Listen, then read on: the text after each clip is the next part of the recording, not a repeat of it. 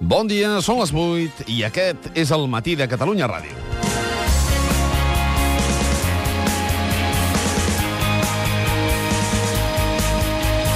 El govern espanyol tensa ara la corda amb el nou Pla Hidrològic Nacional, un pla que no és nou, que s'arrossega des de fa més de 10 anys i que marcarà el futur de totes les terres per on passa el riu, les de l'Ebre. Les terres de l'Ebre ja s'ho esperaven des que Mariano Rajoy va anomenar Miguel Arias Cañete com a ministre d'Agricultura.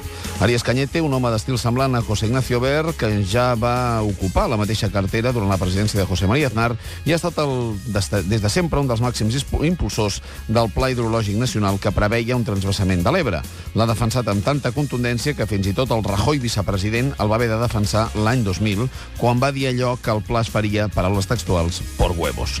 El ministre el van enxampar en una conversa informal amb pagesos murcians. D'això en fa 13 anys i tot i el so deficient, convé recordar el moment. Cañete explicava els tràmits que seguiria el pla i acabava dient per què s'aprovaria. Una vez sale por la línea. En, en enero, en, en diciembre sale de la corte y entra, y entra a tramitar de Y va a ser un paseo muy difícil.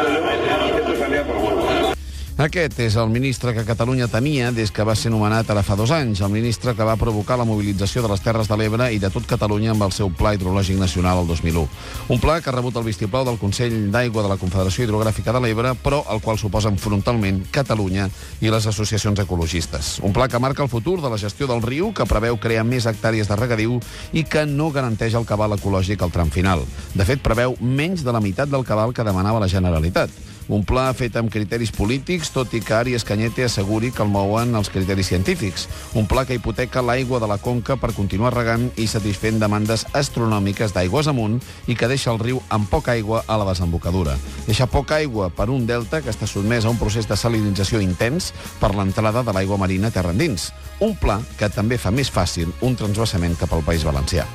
I no hi val l'argument de la insolidaritat entre territoris. El que cal és marcar un cabal mínim assumible a totes les comunitats.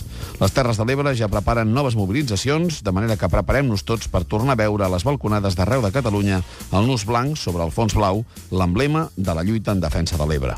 Benvinguts a casa vostra. El matí de Catalunya Ràdio, amb Manel Fuentes.